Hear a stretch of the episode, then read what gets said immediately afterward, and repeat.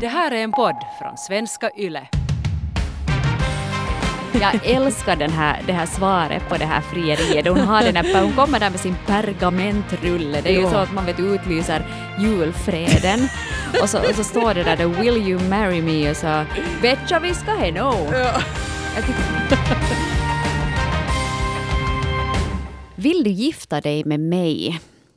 Ja, det här är ju en, en fråga som eh, vissa går och längtar efter en hel livstid medan andra kanske är lite rädda för att någon ska fråga en den här frågan för att vad om man inte vill gifta sig med, med den personen som frågar. Eh, idag i relationspodden Norren och Frans ska vi prata om frierier och, och vad de egentligen betyder. Om det finns någonting sånt som ett ultimat frieri. Ja, så här, lite romantiskt så här midsommarhelgen till, till ära. Ja, no pressure. Vet du. Det här kommer ut på midsommardagen, så ifall du inte friar på midsommarafton så är det för sent ute. Sommaren är lång. Ja, man hinner fria ännu många gånger. Ja, men, men eh, då man tittar på TV till exempel så överväldigas man ju av de här väldigt romantiska frierierna. Det är champagne och det är blommor och det är helikopterfärder och man kanske är ute på en exotisk semester. Och, och sen sitter man då där i sin egen eh, finlandssvenska småtråkiga vardag och tänker att hur i hela friden ska jag kunna ta och, och lyckas med att förverkliga någonting sånt här utan att det känns som att jag har nu copy-pastat ett avsnitt av The Bachelor. Att det känns lite sådär påklistrat. Det är lite samma som med att, att fira alla hjärtans dag. Att det känns för många ganska främmande med det där det här stora fånget med, med röda rosor med så löjligt långa stjälkar att ingen levande människa har en vas som man kan ha dem i. Och sån Man här- måste alltid kapa dem ja, ändå. Klipp, klipp, klipp. Ja. Tack! Sådär. Ja. ja, och, och, och liksom hela den här lite smöriga, lite klyschiga grejen. Åtminstone det är den bilden jag får på näthinnan när man nu säger frieri. Så är ju faktiskt det här med en tvålfager man i, i pressad kostym som faller på knä inför en våpigt pipande kvinna. Och jag tror ju att väldigt få frierier i verkligheten ser ut på det sättet. Och speciellt här i, i Finland, för jag menar vi är ju ganska sådär avskalade annars också i våra uttryck.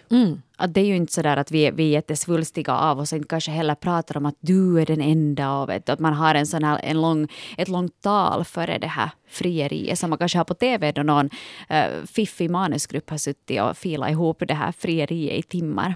Men samtidigt, det som sen frieriet så småningom då leder till många väldigt jordnära och normala och sansade människor blir ju helt om sig och kring sig sen när det är dags för bröllop. Att då ska man mitt i allt vara den här prinsessan i, i den vida klänningen och sånt här. Det är någonting märkligt som händer här just när det kommer till frierier och bröllop. Att vi på något sätt faller in i en sån där schablon som är ganska långt ifrån vem vi vanligtvis är. Men det var faktiskt ju, vi fick ju faktiskt ett brev som lite efterlyste att det här var just sånt som vi skulle ta och dryfta här i podden. Eh, så här stod det då. Kunde ni i något skede fundera på att ta upp ämnet förlovningar och alla förväntningar och planeringar och upplevelser som har med det att göra? Skulle vara roligt att höra hur folk har fria och blivit friade till. Om någon har fått puffa på sin partner eller om frieriet sen har varit en total överraskning, överraskning och du sen, hur det sen har gått efter det. Med vänlig hälsning en som går och väntar på att partnern skulle få lite inspis att ta itu med saken. Älskling, har du hört det här senaste avsnittet av Norren av Frans kanske? Det Ska vi lyssna kunna- här i bilen när vi åker hem från midsommarfirande på ett sån här podd som, som är... Ja, ja kanske. Jag vet inte alls vad det handlar om, inte alltså, men de, de brukar ha roliga ämnen. Så, så vad, vad vi lyssnar tillsammans. Ja. Eh, det här med att, att fria så är ju kanske inte så lätt och, och traditionellt så brukar man ju kanske säga då att eh, det är mannen som ska fria och, och nu för tiden så är det också många kvinnor som friar men ändå har det varit ganska begränsat så att det, det ska vara skottdag om en kvinna ska fria annars, alltså, annars går det inte. Men det finns ju en ganska lång historia kring det här med att fria. Ja, det här med överhuvudtaget att man själv får stega fram till, till den man skulle vilja gifta sig med och fråga. Så det är ju, det är ju liksom relativt nytt. Jag läste på lite om det här eftersom jag råkar ha en folkloristmamma som faktiskt har skrivit en, en bok om just sådana här saker. Att var det fram till 1860-talet så, så fick man inte alltså själv fråga direkt om man nu var en kille som ville fråga en tjej om hon ville bli hans fru.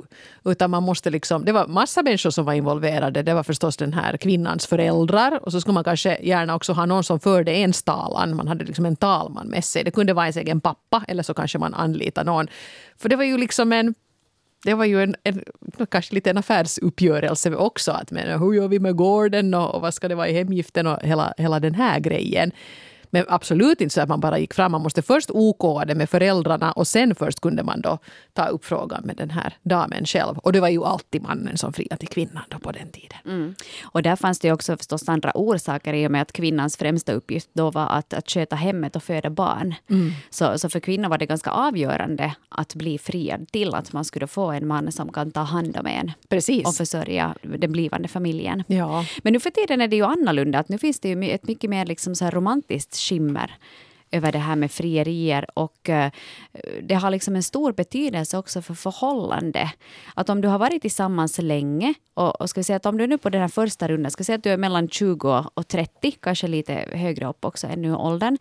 Så då att om du har varit länge tillsammans med någon så brukar det alltid komma den där frågan att nå, mm. hur skulle det vara? Har ni funderat på att gå till prästen eller? Ja. Nu, ja. Men att, det ska, fin- men att det ska finnas stora känslor och att det Mm. liksom baserar sig på romantiska känslor snarare kanske då än en affärsmässig uppgörelse. Men hur, jag måste lite fråga, fråga av dig Hanna, för jag märker att, att folk ser lite olika på det här. Vad är det du exakt tänker att händer? Eh, vad- är liksom ett frieri? Eh, för liksom, det är ju förstås som man frågar. Frågan är ju att vill du gifta dig med mig? Så det där bröllopet hägrar där någonstans. Men jag har också märkt att, att jag har en del bekanta som liksom har på något sätt nu fria och förlova sig men som inte nu har tagit sikte på något bröllop. Att det känns ganska irrelevant. Ja. Vad skulle du säga? Vad tycker du? Nu, jag har ju själv aldrig varit gift men jag har ju varit i en lång förlovning. Så att jag har ju blivit friad till, men inte på det där traditionella knäböjande sättet utan jag fick en förlovningsring i julklapp. Okej. Och, och, och, och så, var det, så var det bra med det då sen. och vi var ju förlovade i många år. Men eh, vi gifte oss aldrig och jag tror att orsaken till varför vi inte gifte oss var det att vi båda ändå anade på något vis att det här är inte det här kommer inte att funka. Just det. Och därför så blev det istället en, en många år lång förlovning som sen aldrig ledde till något mer än att man sen i något skede tog av sig den där förlovningsringen och, Men var och det då liksom ändå det här med den här ringen och den här förlovningen, att det var liksom på något sätt att ni tog relationen till, en, till nästa nivå? Vi hade ju liksom? barn redan då. Just det. Mm. Mitt äldsta barn var Just ju redan det, ett. ja. så sträng jag lät. Så, så, så, så ka- kanske, så. Jag menar, ingen av oss är ju ett väldigt sådär gammaldags av oss, så att jag tror inte det var heller det att man skulle göra liksom en, en vet du, rättfärdig kvinna av mig. Att jag, jag och min oäkting skulle höra till, till äktenskapets välsignade vagga. Utan jag tror nog att det var liksom ändå att man tar det till nästa nivå, att man lovar någonting. Och jag tycker att det finns något väldigt fint i det där. Det tycker jag också. Jag tycker nu för tiden så, så brukar det ju vara det här med att gifta sig så, så är inte kanske lika coolt något mer. Det är lite sådär som att höra till kyrkan. Att, nej, men vad är det för poäng i det? Att det blev det ju ändå inte någonting bra. Nej. Eller alla är sådär att ah, nej, men skilsmässostatistiken och så här. Men jag tycker det finns något väldigt vackert i att lova sig till någon annan. Och jag har hört av um, några av mina gifta vänner som jag har frågat, tyckte ni att det var någon skillnad sen när man gifte sig? Och de sa att de upplevde en skillnad i relationen, för att det är liksom på något vis att då stänger man liksom alla dörrar en gång för alla. Och att det ger en annan dynamik i förhållande. Det blir lite högtidligt. Vi har Ja. faktiskt gjort ett avsnitt just om, om bröllop och, och syn på, på äktenskap. Jag tror att jag måste gå tillbaka och lyssna på det för att jag minns att det var många som skrev spännande saker där. Men det är länge sedan, jag tror nästan ett Nå. år sedan vi gjorde det. Vet du, åren går. Mm. Men, men du är ju gift, eh, Eva, och har varit gift i många år. Och vi funderar lite på det här före den här podden. Vi ville kanske inte vända ut och in heller på de här våra upplevelser eftersom vi inte kan vara anonyma i, i motsats till er. Men, Jo, och det här, det här börjar kännas ändå som en ganska så här privat grej. Det är ju liksom ändå så där, exakt vad som sades och vad som, som hände så tycker jag att en, en del saker måste man kanske hålla mellan sig och, och sin partner. Då. Men, men jag kan ju säga det att, att det var Jonas som fria och vi var kanske där 25, någonting runt där omkring det hade inte barn ännu, eh, men vi var mitt i en sån här tidsskede av våra liv att liksom alla våra, båda kompisgängerna, alla förlovade sig och gifte sig liksom sådär på löpande band. Så det var ju inte så där att, att inte diskussionen skulle ha förts att skulle det vara dags för oss också, för vi hade varit ihop då i, i något år. Och så hade jag en kompis som faktiskt passade på skulle det till och med ha varit på skottdagen, nog mera sådär som en läppa än, än som, som att hon tyckte att det var bara då hon fick förlova. Men hon faktiskt, jag, jag, tror, att- jag, jag var faktiskt och tittade på ringa med henne för att hon bestämde att hon skulle fria till sin pojkvän sedan länge och förberedde då hela det här och han blev ju jätteöverrumplad och jätteglad och, och så förlovade de sig och gifte sig.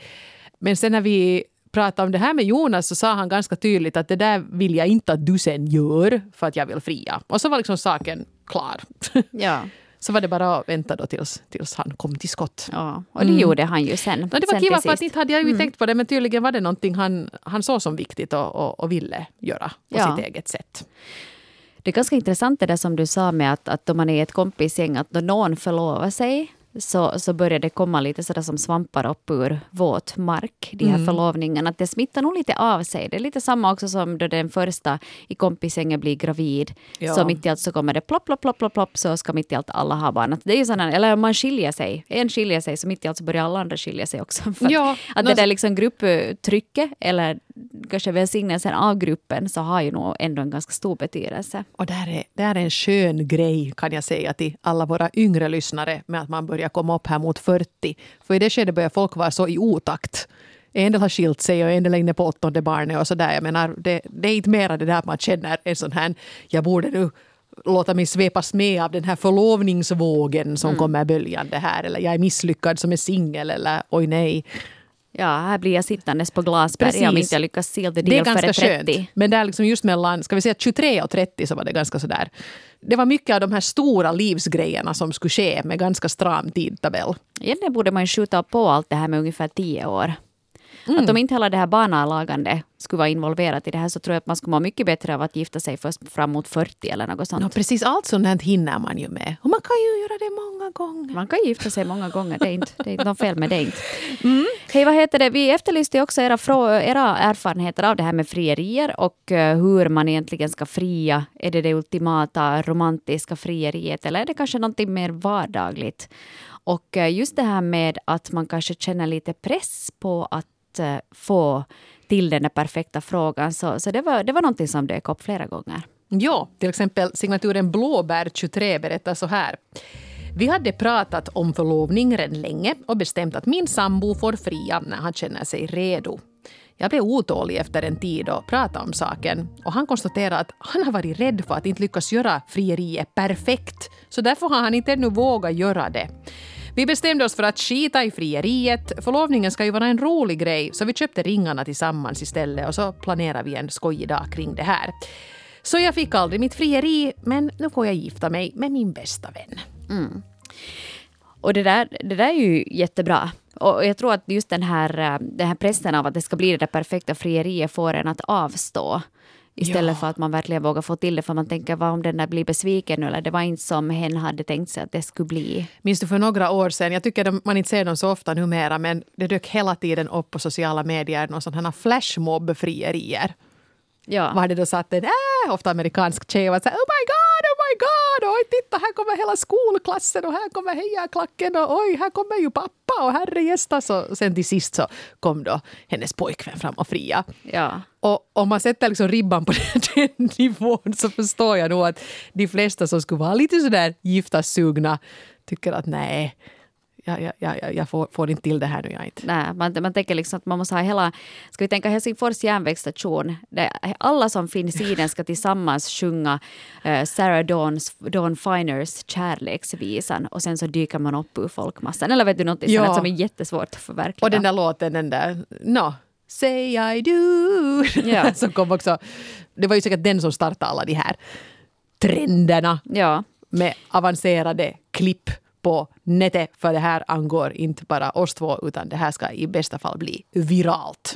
Så får man fara till Ellens show och. Ja. och då har man lyckats med sitt frieri. och så betalar hon ens bröllopsfest eller någonting som hon Absolut. alltid gör. Ja. Sen Ja, ja. om man en gång kommer dit så brukar det regna pengar över Det är en. liksom mini-minivån för frierier idag. Nej, Mm. så ska man ju inte göra. Jag tycker att det här låter jätteromantiskt, det här som Blåbär och hennes pojkvän sen gjorde. Att man nu helt enkelt gjorde en... en, en liksom, det handlar ändå om, om, om de två. Ja. Och då gör man det på sitt sätt. Ja. Saga 34 äh, eh, har också kommenterat det här med, med de här storstilade frierierna och eh, Saga skriver så här. Jag tycker det skulle kännas jättekonstigt med ett romcom-frieri. Vi har ju bott tillsammans länge och stegvis diskuterat vårt förhållande och vet att båda är kära och dedikerade och inställda på en gemensam framtid. Vad betyder egentligen ett frieri då? Mm. Ja, men exakt. Om man tycker att det känns tillräckligt tydligt i alla fall så klart att det inte behövs. Nej. Och då kan man ju komma överens istället. Mm. Ja. Ja. Eh, här har vi eh, frierskan, 40 år, som skrev att hon tröttnar på att vänta och eh, driftigt fruntimmer hon fria själv. Vi hade varit tillsammans i väldans många år, har två fina barn, vi har klarat av att bygga hus tillsammans och allt sånt där. Så pass traditionell är jag nu ändå att om man har allt det där så då kan man väl nog ta och gifta sig också. Men jag tröttnade på att vänta på att han skulle fria så i något skede tänkte jag att om han inte har fria före skottdagen 2016 så då gör jag det. Så på skottdagen, en kall februaridag efter att barnen somnat, drog jag fram en hoprullad pergamentrulle Oh, avancerat. Som jag räckte fram till honom och där hade jag skrivit “Will you marry me?” Jag måste säga att jag var lite nervös, för tänk om han svarar något helt konstigt, tänkte jag. Men på typiskt sydösterbottniskt manér svarade han ”Vet jag, vi ska he nu”. Så en julidag det året blev det då bröllop hemma i trädgården med närmaste familjen. Och gifta och mår bra är vi fortsättningsvis fyra år senare. Så skrev alltså frierskan, 40 år. Jag älskar den här, det här svaret på det här frieriet. Hon, har den här, hon kommer där med sin pergamentrulle. Det är ju Ja. så att man vet utlyser julfreden. Och så, och så står det där då, “Will you marry me?” och så “Vet jag vi ska he no?” Jag tycker det är ljuvligt, för det där är just det, det tar som fram de där personligheterna. Och, och, och jag tror att det kom från hjärtat, det svaret också. Ja, men här kommer vi in på en, på en grej eh, som faktiskt en del av er skrev om också. Det är ju det här överraskningsmomentet. Och jag tror att, att den här mannen, han, han blev ju riktigt överrumplad men säkert också jätte, jätteglad. Och där kan jag ju tycka att där kan det ju bli en liten extra krydda för sådana par som, som ju nog vet att de hör ihop och säkert kommer att... Man har kanske barn och man kanske har hela det där. Man, man vet att vi är en enhet. Men då kan det bli ganska roligt det där med att liksom faktiskt lite sådär surprise, ställa den där frågan. Det Ja. tycker jag kan vara ganska romantiskt. Speciellt om det görs på ett sånt här lite personligt sätt. Jag hade en kompis också som blev friad till en fredag när hon hade tagit på sina nobbigaste hemmabyxor och låg och tittade på Dr. Phil. Det skulle vara ett sånt här Hanna Norrena-frieri. Ja. och var liksom så avslappnad som hon bara kunde vara. Riktigt sådär på något sätt i sitt element. Och då ställdes frågan. Men det är ju bra, för då, då ställer man ju verkligen frågan till någon. Man vet liksom vad man köper. Man behöver inte köpa grisen i säcken, för grisen ligger där på soffan i all sin prakt. Så, så att om man blir friad till då, så då tror jag man kan vara nog riktigt säker på att den där personen i frågan verkligen älskar en som man är. Jag tycker det där är jättefint för att det är ju på något sätt Just det där, det är inte grisen i säcken. Att nu står hon här i fyrdubbla spanks och en liten klänning och, och är ganska obekväm för att vi liksom ska göra det här på det här The Bachelor-sättet. Utan kanske hellre passa på då en sån här, när, när vi riktigt bara är oss själva. Två andra kompisar också, han fria i, i skidbacken. De älskar att skida. Och så tog de en liten paus, de var väl någonstans utomlands i någon underbar solig dag. Tog de en liten paus där i backen och så räckte han fram en ring och så, så åkte de vidare efter det. Och där ska man inte sjabbla bort den där ringen, äh, vet du, så man tappar den i snön. Ja. Man är ute och åker lite puder. Diamanten försvinner fort där i, i det vita. oj, oj. Jag såg faktiskt, vad det, det var på, på Youtube eller någonstans, så såg jag ett sånt här frieri där ett par var ute på en sån här thailändsk, en thailändsk skärgård på en båt. Och så friade han och så blev hon till sig och så blev det lite tumult och sen var han så här shit, att han tappar ringen i vattnet. Oj. Och det var ju helt hemskt och hon blev ju skitförbannad och alla var så att åh nej och nu måste vi dyka ner och hämta den och det höll på ganska länge och sen så var man så att inte tappade jag den alls i vattnet. Här är den. Åh, ja. ja, men det där är ju också no, där är ju en amerikansk grej. Vad är det de brukar säga att en ring ska kosta? Är det liksom två månadslöner eller något sånt här? Det var något sånt. Någon sån tumregel. Det kostar nog inte min ring och det är jag riktigt glad och nöjd med för att jag, no, jag är en sån slarver så att jag skulle bara få angst av att ha en så dyr ring som jag liksom ska bära varje dag. Ja, man skulle inte våga ha den på sig. Nej, för man är, är rädd för dumt. att tappa den. Nej, och jag är inte någon sån här diamantperson annars heller. Så jag är riktigt en sån här ganska enkel guldring som nu inte i och för sig, vi, var, vi var nu studerande på den tiden men jag tror nog att Jonas månadslön var lite högre än Men än vissa så. uppdaterar ju sina ringar också senare. Vet du, Just att om man det. fast har gift sig då, då man inte har haft så riktigt några pengar alls så har man kanske köpt riktigt enkla och förmånliga ringar. Och sen kanske då du är 40 och, och, och sådär renew your vows, att Mm. man förnyar sina äktenskapslöften kanske efter 10 eller 20 år så uppdaterar man också ringen till någonting Det kan bli en ganska flashigare. trevlig grej i och för sig om, om man tycker att, att det passar. Om man har en sån ring att man kan liksom klistra fast lite rocks på den Ja. det är ju trevligt. Vad tycker du Eva förresten om det här med att, att fria bland folk? För, för vissa Ja. friar ju till exempel på en restaurang eller man kanske friar på en fest eller du kanske friar någonstans där hela familjen och släkten är samlad. Är det, är det här någonting att föredra eller är det någonting som man kanske hellre borde göra liksom sådär bara på tumis? Jag har nog kanske inte riktigt en åsikt i den No, jag har en frågan. åsikt, jag kan berätta. Ja. Jag tycker att man ska inte fria bland folk. Okej. För att du, du, du sätter så mycket press på den där personen. Så att vad om den där personen inte vill tacka ja till det där frieriet? Man måste ju säga ja i en sån situation. Ja, det blir jättenollat Så jag skulle kanske lite, lite vad heter det, Eller kanske om man vill säga nja. Att man är så att, vet du, jag, jag skulle nog hemskt gärna vilja nu liksom fixa det här och, och jag har just blivit erbjuden ett jobb utomlands. Och så där kan man Ja. inte börja där alla står där. Drun, dun, dun. Ja. ja, för det förväntas ju att det ska komma det spontana jaet och, och sen är alla jättelyckliga och alla applåderar och så tar man fram skumpa och hela det här köret. Ja. Jag skulle Nej, kanske avråda från ett sånt här um, allmänt, eller ett, ett frieri i allmänna utrymmen. Man Men kan, det är ju, man kan ju kanske göra det om man vet att liksom situationen är lite så där som blåbär 23. Man har liksom kommit överens om att du ska sen fria i något skede. Okej? Så då vet man ju säkert vad, vad svaret kommer att vara. Ja. Men då kan det ju vara lite gulligt sådär med, jag menar sånt som, som någon har satt sig ner i en, i en biosalong och så dyker det upp på skärmen att Hej Pernilla, vill du gifta dig med mig? Önskar Gerhard. Ja. Så börjar man fundera att herregud, jag, Jag, är kan ju inte gifta mig med någon som heter Gerhard. Det går inte. Jag tycker det finns helt för få friare som heter Gerhard. jag skulle säga ja, bara för den sakens skull. Ja. Nåja, men jag menar, jag hör vad du säger och håller nog lite med.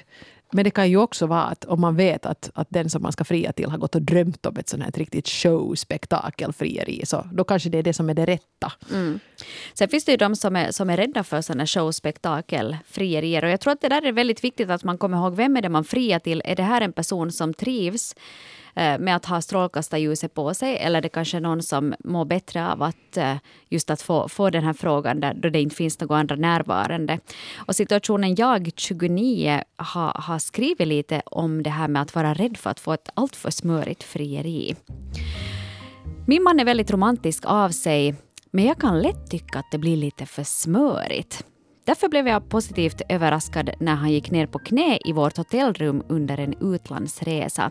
Han fria med en 10 euros leksaksring, som nog byttes ut senare, och hade fixat rosor och skumpa. Och på kvällen så gick vi ut och åt lite finare än vanligt. That's it! Och det var det bästa frieriet jag kunde tänka mig. Mm. Ja men nu låter det ju, nu var ju alla de här romantiska elementen med men kanske han faktiskt hade precis den här fingertoppskänslan att jag kan ta rosor och jag kan göra det här men, men hennes smörighetsgräns, han vet var den gick. Ja, eller du behöver liksom inte få ut i den här grekiska restaurangen där du har avtalat med kyparen att ringen ska fästas vid kyparens hund som kommer in vet du, bärandes i guldstol och vet du, att det blir så att hela restaurangen är sådär att åh, se på det här. Märker du vad fina idéer vi ger åt de storstilade Jätte- typerna hela tiden? Du kan ha hela järnvägsstationen sjunga en sång eller åka till Grekland och fixa Ja, det, det på där något som annat de sätt. alltid gör i amerikanska filmer, att de gömmer ringen liksom i typ champagnen eller i desserten. Och, och Ja. jag har alltid tänkt jag skulle svälja den alltså. Ja, men tänk om du Ja. gör det. det är Ja. alltid, alltså jag har ju sett det i över 30 år på The Bold and the Beautiful. Och de hade ju länge de här frierierna just där de var längst ner i ett kristallglas. Ja. Det är ju vi- farligt, man kan ju kvävas. Ja, och det här med att gömma den där ringen i någon bakelse eller någonting, så gör inte det. Det, det. det är en riktigt dålig idé. Mm. Får man vara jättevaksam med sin avföring sen de närmaste dygnen. Nå, om man kan, om man Nu- kan nu komma kom igenom den. det så Nu, klarar man sig. älskling, Nu, Ja. nu kan vi fortsätta. Då, då kommer man igenom sitt äktenskap också om man kan ta en sån förlovning. Det är därför det heter ringmuskel. Eva. Men det var i och för sig ganska bra. Ganska bra. Du, får, du får godkänt. Tack. Hej, hörni, vi ska ännu kunna prata lite om det här med att, att gifta sig senare i livet. För jag menar, många gifter sig då de är unga och man har inga barn och man kanske vill börja starta en familj och så här. Men, men sen om vi tänker att, att vi har varit gifta en gång, vi har skilt oss och, och sen börjar vi på, på den andra dukningen så att säga. Då, då kan vi- det ju kanske lite vara en annan, annan grej på det sättet. Ja. Som, som snart 41 signaturen skriver till oss. Jag har varit gift tidigare och det är nog inte direkt första dukningen för min partner heller. Så det känns nog som att förutsättningarna är helt annorlunda nu. Det här är helt självvalt. Ingen utifrån idkar påtryckning som nu är ni så fina ihop, ska ni ta och gifta er snart? Bla bla. Vi är båda för gamla för en massa BS. Vill ha ett stabilt förhållande där vi kan bli gamla tillsammans. Ja. Och där är det lite mer kanske som en överenskommelse. Ja, och att det liksom inte behövs. Och, och, liksom, och som, som jag lite var inne på här, att det är ju kanske när man är ung som sådär äldre släktingar och sådana tycker att, att skulle det inte vara dags för... No, för att de är sugna på att gå på bröllop, det förstår jag mycket väl. och sugna på barnbarn. Ja, ja, ja. ja. Men när man liksom sen har blivit lite äldre och kanske har gjort det där ett varv redan, så då är det helt tillåtet att ta det i sin, sin egen takt och göra det på eget sätt. Jag tänker att det här med att gifta om sig, så det har ju kanske en lite sådär sjaskig stämpel på sig. Vet du att har du gift dig flera gånger, att du är nog lite slampig av det ändå på något sätt. Eller du klarar inte av att hålla en relation vid liv. Men, men det är ju förstås inte alls fallet. Och jag tycker att det här med att gifta sig lite senare i livet är en utmärkt idé. För kanske just där vid 40 så börjar du verkligen veta vem du är och det gör din partner också. Och sen kan det ju vara att om du har varit gift och du har skilt dig och sen så har du legat runt i några år och sen hittar du då en ny partner. Så då, jag tycker också att det ger en ganska bra markering åt den relationen. Okej, att nu stannar jag av här med mitt farande runt stan. Och nu har jag bestämt mig att det är nu du. Och framöver. Dessutom så behöver man inte hålla ut lika länge om man ska hålla ihop tills döden skiljer en åt. Som om du är 23, om du är 43, så då, då är det liksom sannolikheten större att du kan vara lycklig mera av den tiden ni har tillsammans. Precis, och, och jag kan ju också förstå det där. Det där? Det var jätteupplyftande Hanna, du sa Ja. att när man är äldre så är döden lite närmare och, och det hade du ju alldeles rätt i. Mm. Men jag tänkte också på det här med att har man en gång varit med om frieri och förlovning och bröllop och så sket det sig. Så kan det ju hända att man lite liksom har fått avsmak för hela institutionen och tycker att ska vi nu ta det här på nytt för att det, det, av, av erfarenhet vet jag att det här med bröllop och giftermål det funkar inte för, för det sket sig. Och man kanske har partnern kanske i samma situation. Men då måste man ju faktiskt kanske tänka en gång extra att hur gör vi nu det här när vi vill ändå liksom lite göra den här markeringen att vi är liksom du och jag nu. Och det betyder inte att, att vi är stjärnögda och unga och, och jättefertila och, och ska liksom ta hela den grejen för att man kanske är lite äldre. Jag är ju inte i den situationen själv men, men jag tror nog att jag skulle säkert tycka att, att jag skulle vilja göra någon sån där manifestering eller manifestation för, för mig och partnern i alla fall. Som du säger, att, Ja. att det är vi nu. Jag tycker då att det ligger något väldigt fint i det. Nu har jag ju aldrig varit gift och jag är ju ändå över 40. Så att sannolikheten att jag kommer att gifta mig är ju inte så där gigantiskt jättestor. Men det kan ju hända att jag gifter mig vid 52 och är lyckligare än någonsin. Att det vet man ju inte heller. Så, så, så det kanske kommer sen längre Vad fram. var Sally Spectra när hon gifte sig med Clark Garrison? Ja, precis. Hon, har- han var ju yngre. Ja, Ja, ja. Du kan ha det som du. målbild. Men hon är och Framförallt död klänningen. nu. Ja, hon är dött för länge sedan i och för sig. Men, men, men, ja, men alltså, det finns ju alltid lite hopp. Och Jag tycker nog att det finns något väldigt fint i det där. För då gifter du dig ju enbart för att du älskar den andra personen. Du gör inte för att du ska skaffa barn eller du ska ha ekonomisk trygghet eller, eller vet du allt det här. Att du ska ha råd att dela på ett bostadslån. Utan du har ju ditt på det torra. Att den enda orsaken till att du gifter dig då är ju verkligen den där kärleken. Mm, precis. Och kanske det också skulle kunna, om man, om man faktiskt gifter sig och ordnar ett bröllop, att det skulle kunna vara liksom lite mer jag menar det är mindre tryck på det. Liksom man, man, man faktiskt, vi, vi struntar i prinsessklänningarna den här gången om det inte känns så. Man kanske gifter sig i en cool uh, sån här byxdress.